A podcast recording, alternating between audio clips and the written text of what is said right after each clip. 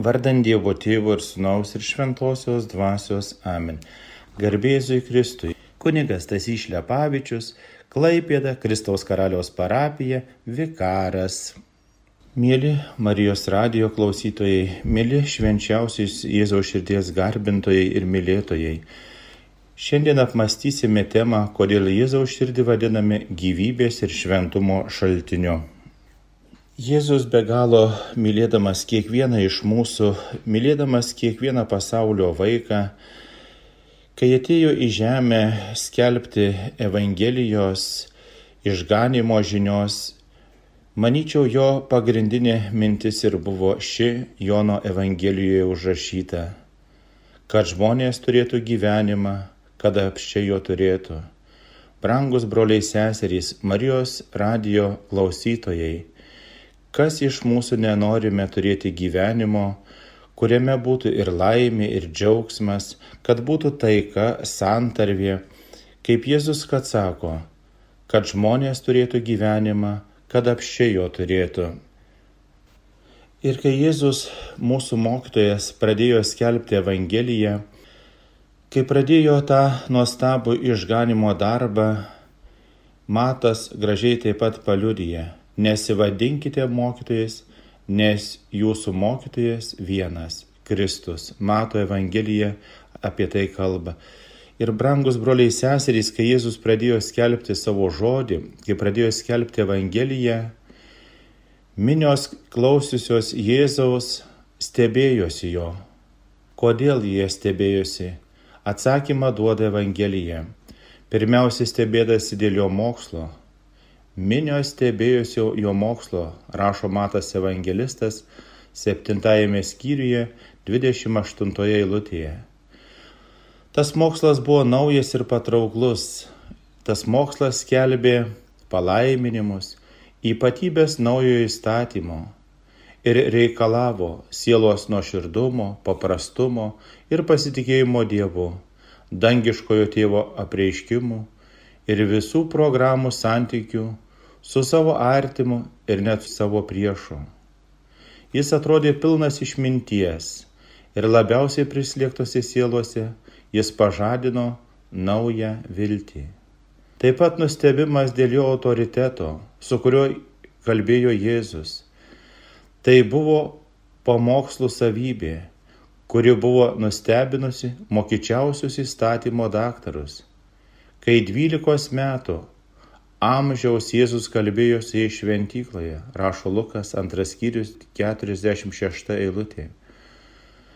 Ta patį įspūdį paliko kalno pamokslas, nes juos mokė kaip tas, kuris turi galios.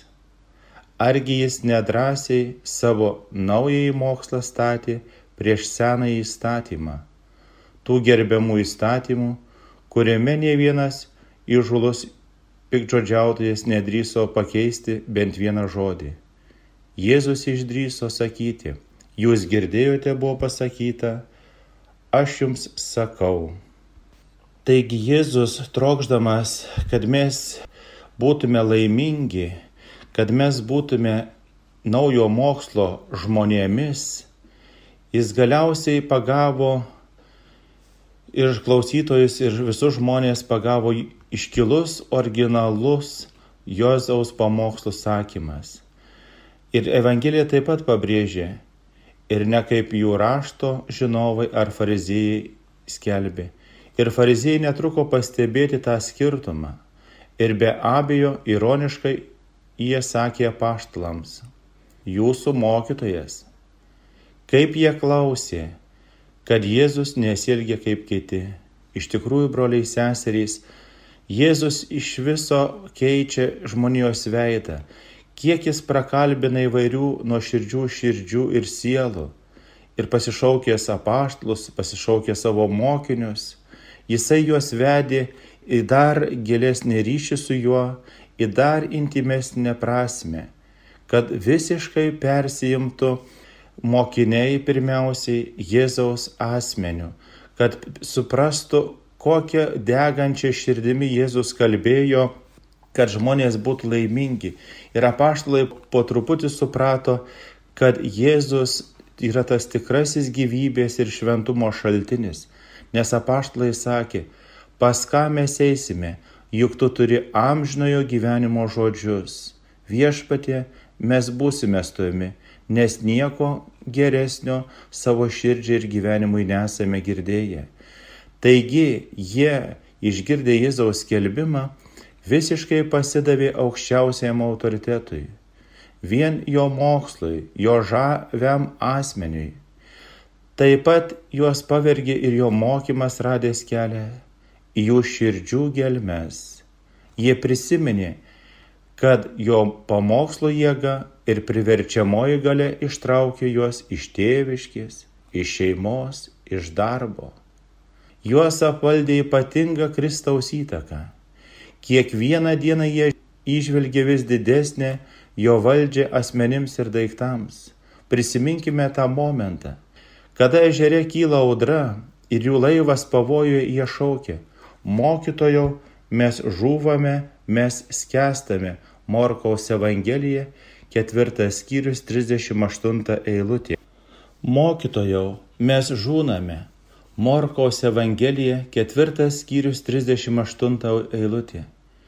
Ir jie šaukėsi jo turimos galios suvaldyti gamtos gaivalus.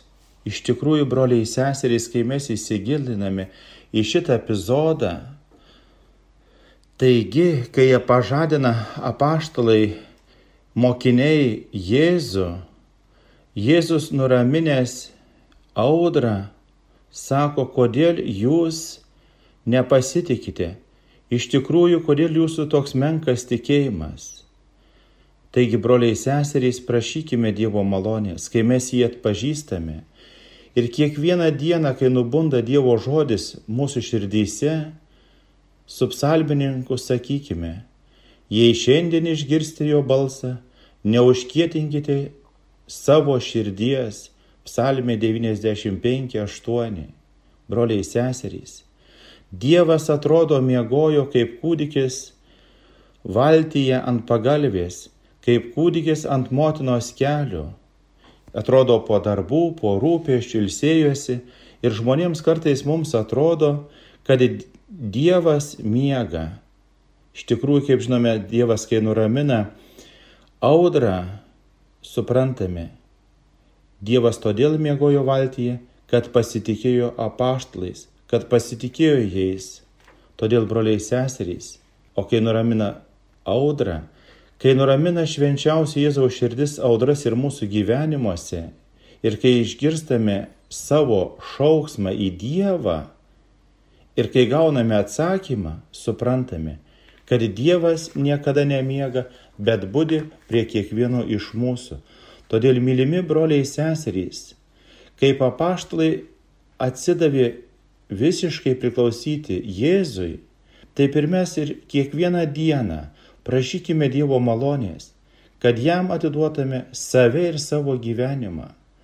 Kartais mes nesuprasime savo mokytojo plano, Nesuprasime, kodėl jis vienaip ar kitaip mus šaukia į vieną ar kitą situaciją, į gyvenimo vieną ar kitą dieną. Bet jeigu mes su švelnumu šlovinsime viešpatį, tarsime jo vardą, visada žvelgsime į visą savo išganimo istoriją, žvelgsime į visą Jėzaus atsidavimą žmonijai nuo pradžios iki pabaigos, Nuo Betlėjos tvartelio iki Golgotos kalno ir prisikėlimo, iki gavimo šventosios dvasios mes suprasime, kad Dievas nori absoliutaus priklausomumo jam. Todėl, brangus broliai seserys, Dievas nuolat šaukia žmogų. Prisiminkime, Lozoriaus mirtis. Jėzus ateina apraudoti savo draugo kūno. Praneždama jo atvykimą Marijai, Morta sako, mokytojas čia ir tave šaukia.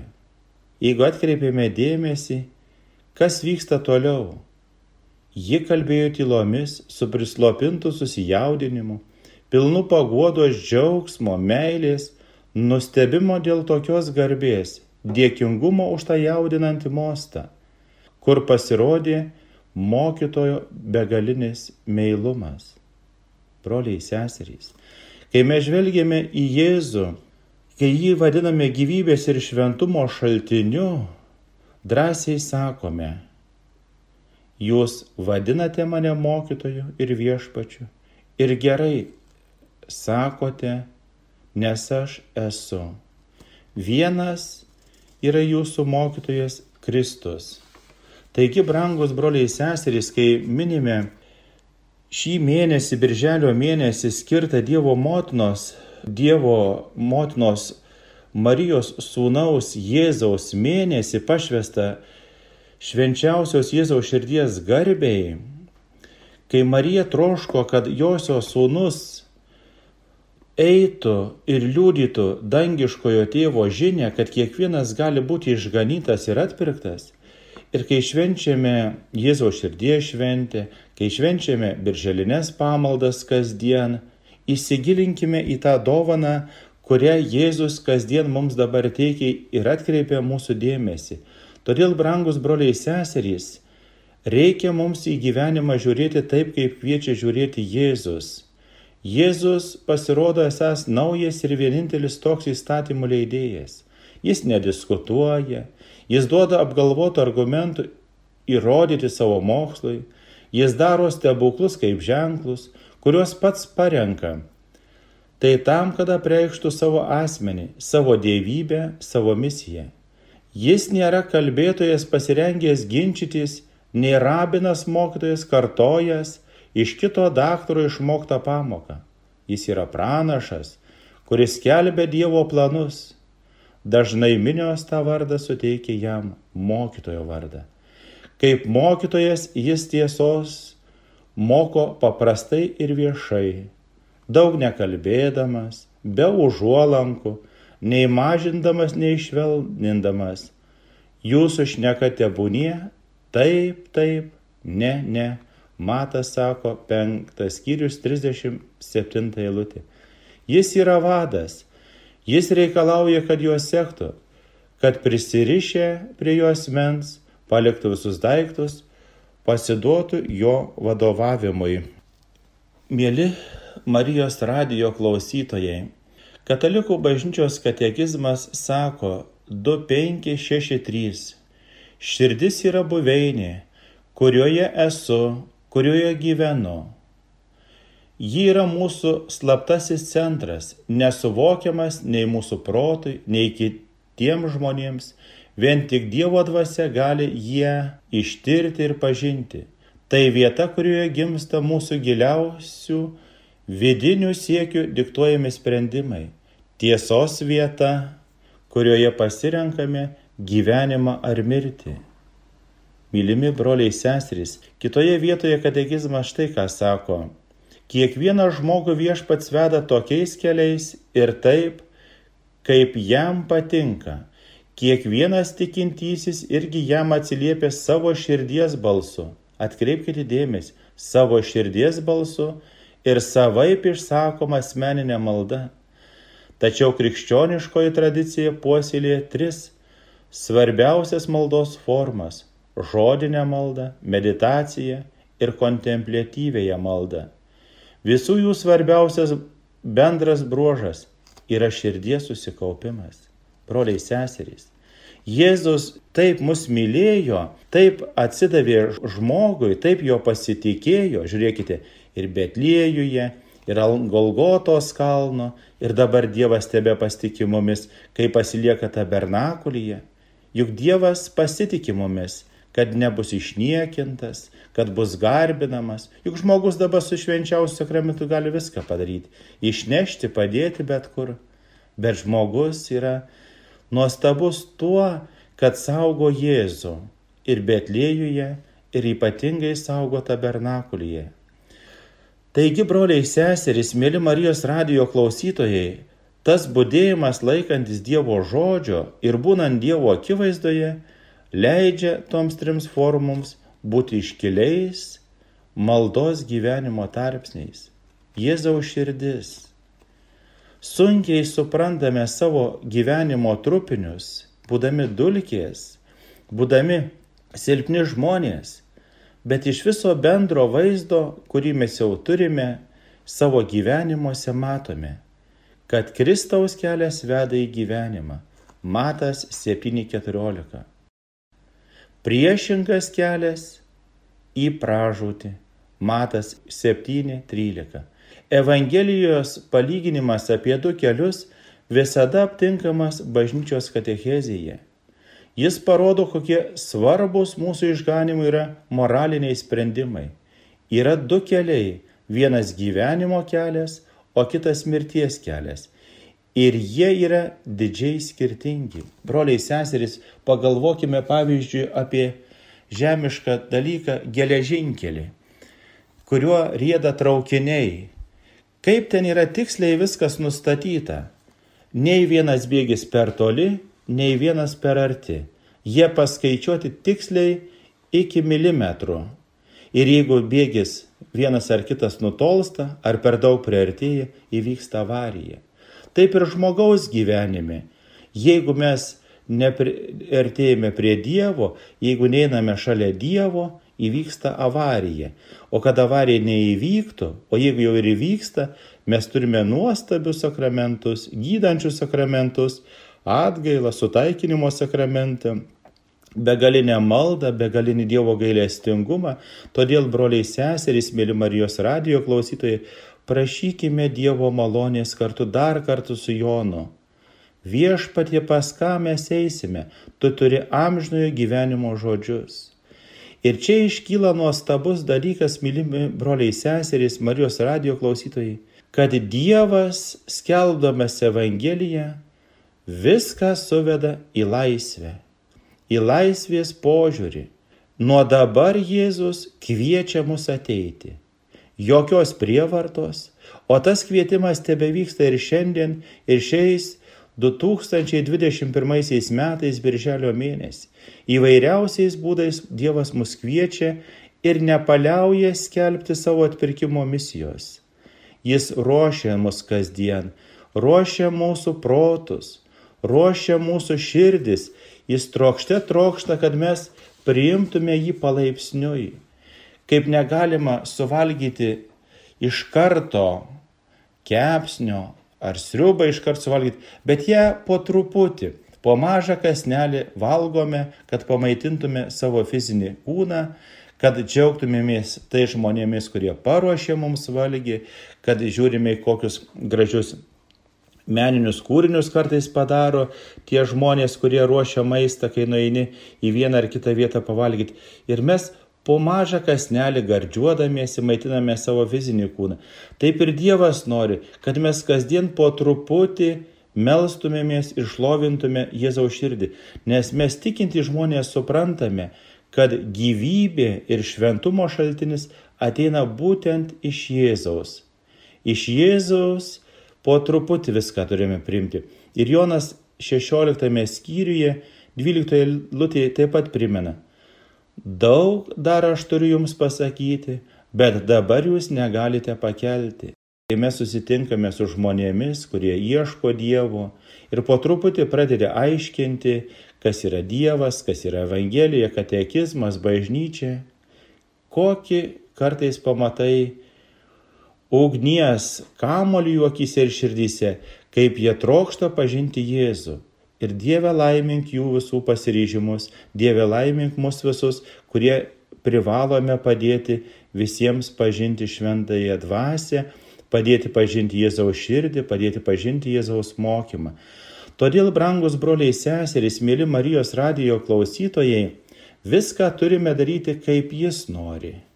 Būtent kaip Jis nori. Ir jeigu mes nedarysime taip, kaip nori Jėzus, tada bus blogai. Būdamas mokymo, meno mokytojas, Jėzus vartoja visiškai laisvai ir kaip jam atrodo tinkamiausiai, labai įvairius mokymo būdus Jėzus parodo. Taigi, broliai seserys, šiandien reikia atkreipti dėmesį, kai kalbame apie švenčiausią Jėzaus širdį, gyvybės ir šventumo šaltinį, Jėzus moko apaštalus ieškoti išminties trijose didelėse gyvenimo knygose.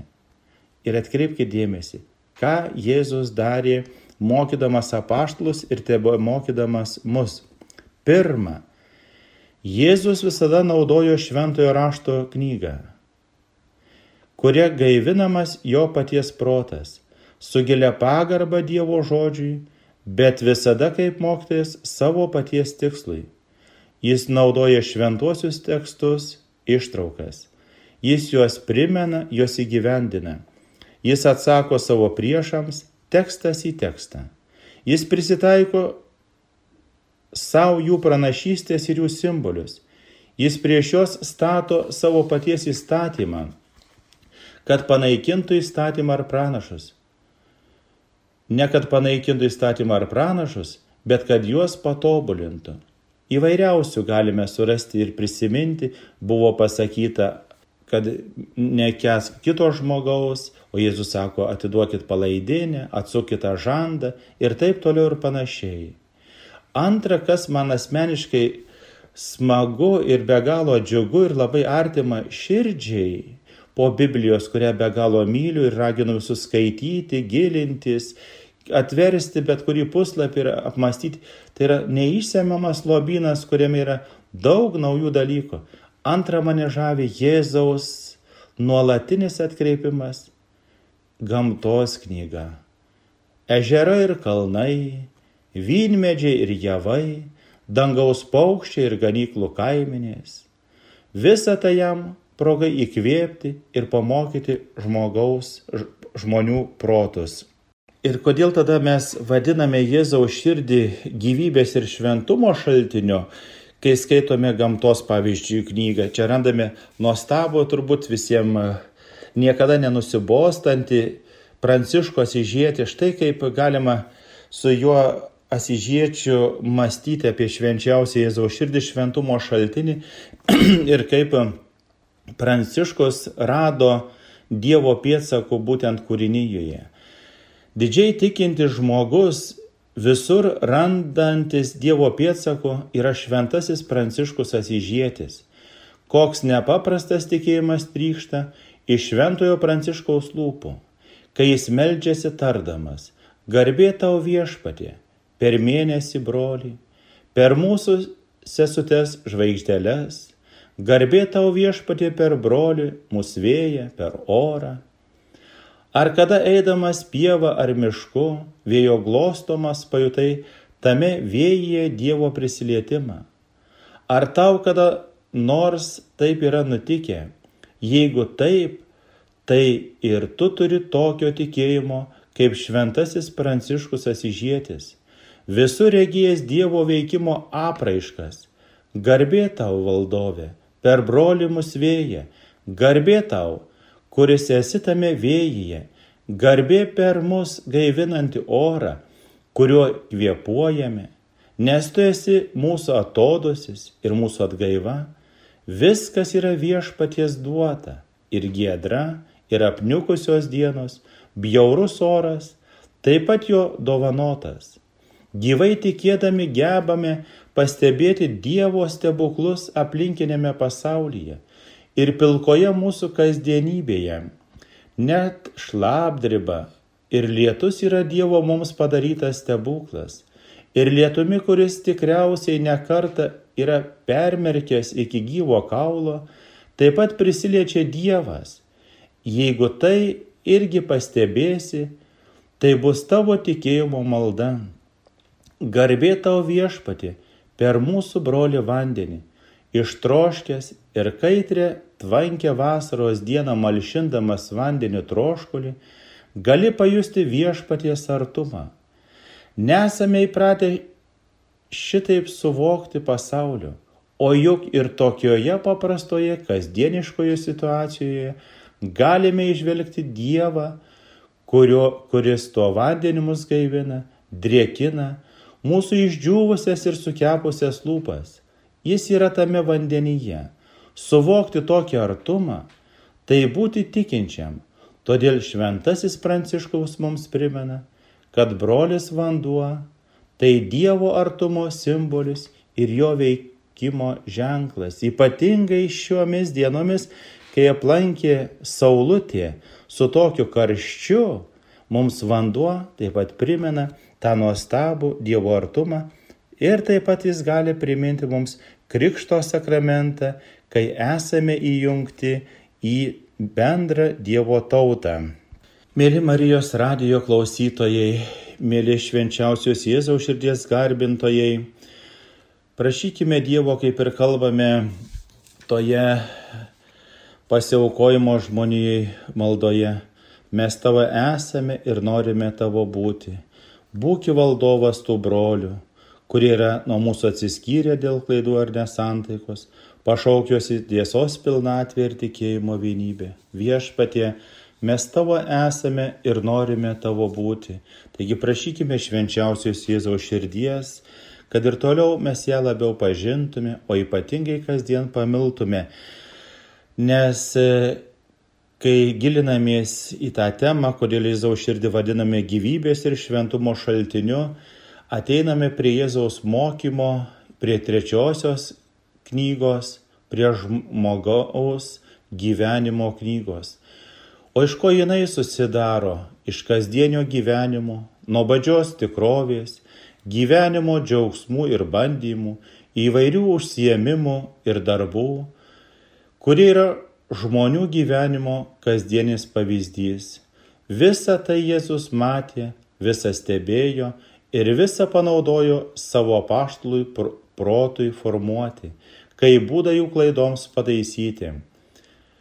Morkaus Evangelijoje ketvirtame skyriuje 34 eilutėje sakoma, bet savo mokiniams jis visada skyrium išdėstydavo, išaiškindavo Jis rado pamokymo medžiagos visame gyvenimo, gyvenime aplink save, darbininkuose ir piemenyse, prekiautojuose ir mokesčiojo rinkikuose, žvėjose ir vynogynų savininkuose, samdiniuose ir persekiojimuose skolininkuose, moteryse, kur deda į tešlą raugą, arba eina sosočiais prie šaltinio vestuvėse ir laidotuvėse, broliai seserys.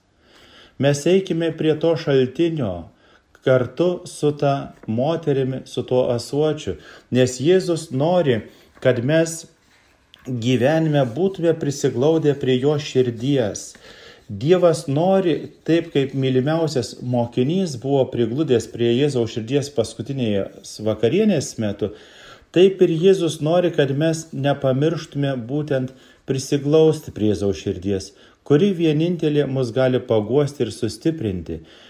Ir turbūt visi žinome, bet jau čia pasikartosiu gal, bet reikia prisiminti ir šiuo atveju šventąją Mariją Margaritą Lakok 1647 metai, 1690 metai. Kristus jai atskleidė savo širdies troškimus ir patikėjo atnaujinti pamaldumą XVII amžiaus Prancūzijoje. Broliai seserys, kaip rašo istorikai, viena paprasčiausia atrodo viena nežinomiausių vienuolių. Bet kai jinai gavo apreiškimus, pirmą, ką Jėzus pasakė ger jai, priglausti galvą prie jo širdies ir atskleisti jai savo meilės stebuklus, sakydamas, kaip jis trokšta, kad visa žmonė apie tai sužinotų kad jo gerumo lobiai pasklistų ir kad šiam darbui jis išsirinko ją. Taip pat prašė per ją priimti komuniją, kad kiekvieno mėnesio pirmąjį penktadienį laikytis taip pat šventosios valandos. Taip pat apreiškime jai sakoma, štai širdis, kuri taip mylėjo žmonės, vietoj padėkos iš didesnės žmonijos dalies sulaukiu tik nedėkingumo broliai seserys. Prisiglausti prie Jėzaus širdies yra svarbu ir mums ryte atsikėlus, dienos tiekmėje, darbų virtinėse, rūpeščių virtinėse, ypatingai svarbu nepamiršti Jėzaus. Ir tas troškimas Jėzaus būti su Jėzumi daugelio mūsų tikinčiųjų žmonių gyvenimuose yra įrašytas į protą, į širdį, į gyvenimą. Ir tas troškimas galime rasti daug šventųjų, kurie mums savo pavyzdžiais parodo, kaip jie nori būti su Jėzumi. Štai Teresė Vilietė. Teresė Vilietė vyksta į Seviliją steigti naujo vienuolyno. Tai sunkus reformos laikai. Teresė įkūrė naują reformuotą karmeličių šaką. Kad įsteigtų vienuolyną naujojoje vietoje, ji kaip vyresnioji turi ten nuvažiuoti su būreliu seserų. Seserys paprastai važiuodavo sandariai dengtų vežimu, nes reformuotos vadinamosios basosios karmelitės yra klauzūrinės. Todėl negali viešai rodytis, pasislėpusios vežime, seserys jautėsi saugiai ir tikėjusi nuvažiuoti į vietą niekino nepastebėtos, kad nesukeltų sensacijos, buvo sėkminės. Seserys išvažiavo labai anksti, apsistoti Teresė buvo numačiusi bažnyčią tolimame Kordobos priemestyje. Kunigas Julijonas Avilietis turėjo joms celebruoti šventasias mišes taip kad jų niekas nepamatytų, o vėliau seserys būtų važiavusios toliau. Netrukus paaiškėjo, kad norint privažiuoti prie tos bažnyčios, reikia privažiuoti tiltą, tačiau tokį ankstų rytą tiltas buvo uždarytas. O jį saugantys sargybiniai pareiškė, kad rakto reikia kreiptis ir burmistrą. Pasirodo, burmistras dar miega ir neleidžia dėl kokių tokių niekų būti žadinamas, taigi reikia laukti. Tuo tarpu patekėjo saulė ir prasidėjo kaitra. Aplink vežimą pradėjo spiestis žmonės, kai kurie ištroškė sensacijų, stengiasi žvilgtelėti vežimo vidun. Pagaliau po dviejų valandų atnešamas raktas ir atidaromi vartai. Vežimas pajudėjo. Tačiau pasirodė, kad negalima pervažiuoti tilto nes vežimas yra per platus. Slinko valandos. Šventoji Teresė trokšte troško sėkminių iškilmių rytą dalyvauti ankstyvosiuose šventosiuose mišiuose ir kartu jai taip svarbu, kad seserys pravažiuotų niekino nepastebėtos. Kai pagaliau nupjovus atsikišusias vežimo dalis, seserys privažiavo užmieščio bažnyčią, jų vėl laukė staigmena Pasirodo, kad štai šventosios dvasios atsiuntimo bažnyčia ir titulinių iškilmių proga tiek joje, tiek priešais ją buvo susirinkę daugybė žmonių. Tik to betrūko. Šventoji Teresė jau buvo besis, beapsisprendžianti nedalyvauti šventosiuose mišiuose. Kitos seserys taip pat buvo linkusios mišių atsisakyti. Vėliau Teresė prisipažino, kad taip jos būtų labai nusikaltusios.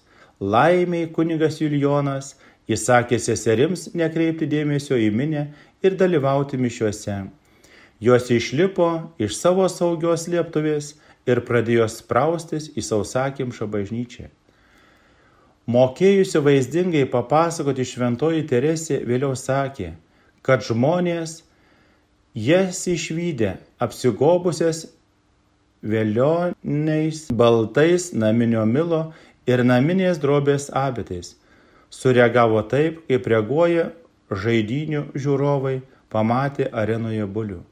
Teresė prisipažino, kad išgyveno vieną iš pačių sunkiausių savo gyvenime nemalonumų.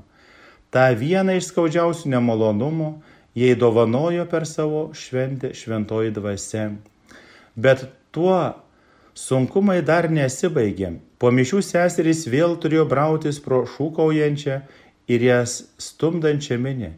Išėjusias pasirodė, kad dėl nežmoniškos kaitros neįmanoma važiuoti toliau. Arkliai nenorėjo traukti vežimo, o jame buvo taip karšta ir tvanku, jog likusią dienos dalį seserys praleido po tiltu. Tai aprašoma fundacijų knygoje 24 skyriuje 12-14. Taigi tas žmogus, kuris ieško Dievo, kuris nori garbinti viešpati mišiuose, nes ten yra gyvybės ir šventumo šaltinis, matome, kaip Teresiai jos planas virto niekais, bet broliai seserys, šventoji dvasia gali nusileisti ant žmogaus, užlėdama jį visus jos planus naikinančią malonę. Tai didžioji apiplėšimo apnoginimo malonė. Šventoji dvasia sėkminių dieną taip pasielgė, su Terese, todėl kad ją labai mylėjo. Teresė taip tobulai buvo viską sudėščiusi ir suplanavusi, o šventoji dvasia tuos planus tobulai suardė, nes jie nesutapo su jo valia. Tačiau svarbiausia, kad įvyko esminis dalykas - šventoji dvasia nusileido ant Teresės ir kitų seserų, o šios priėmė jos veikimą. Primdamos Dievo valią dar labiau prigludo prie Kristaus. Šventoji dvasia tai didžioji mūsų tikėjimo kurėja, apiplėšė jas, padarė dar neturtingesnės, kad jos galėtų priimti galę to, kuris bažnyčios liturgijoje vadinamas neturtėliu tėvu. Taigi, brangus broliai seserys Marijos radio mylėtojai, skaitytojai, klausytojai, šventų knygų skaitytojai, Tai yra tos trys didelės gyvenimo knygos - šventasis raštas, gamtos knyga, žmogaus gyvenimo knyga ir tie pavyzdėliai, kuriuos panaudojo, mus skatina būti su dar didesnė šypsena, su dar didesniu džiaugsmu širdyje, nes Dievas trokšta, Jėzus trokšta, kad mes būtume be galo laimingi.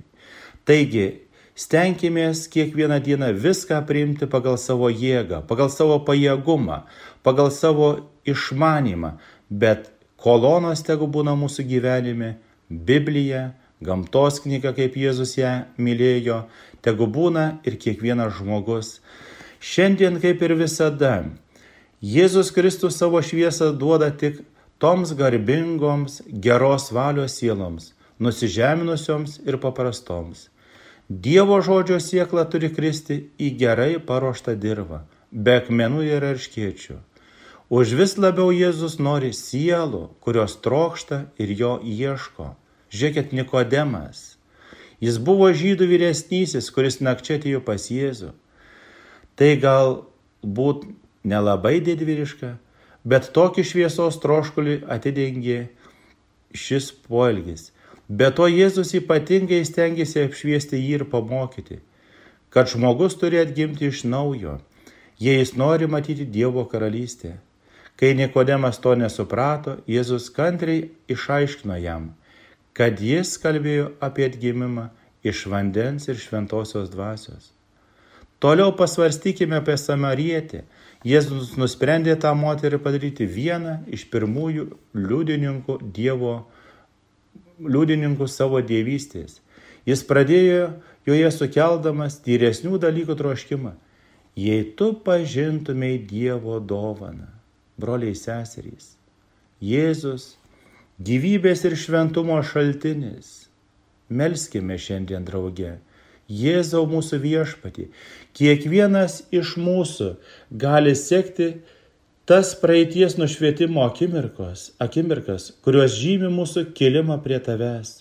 Tu, kuris žinai, lygiai kol vesi mūsų sielas pagal savo paties planus, mokyk mus kasdien daryti pažangą, mylinčiame pažinime ir tavo tiesos pritaikymė per tikėjimo, ant gamtinės išminties ir tavo dieviškosios dvasios dovanų šviesą.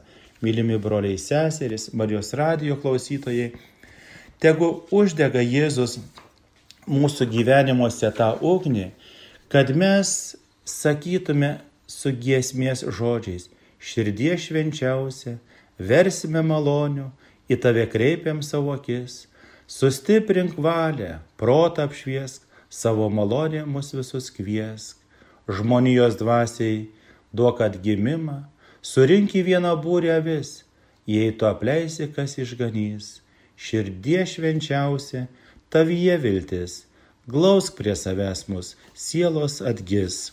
Garbėzui Kristui, kunigas Tasys Šlepavičius, Klaipėda, Kristaus karaliaus parapija, vikaras.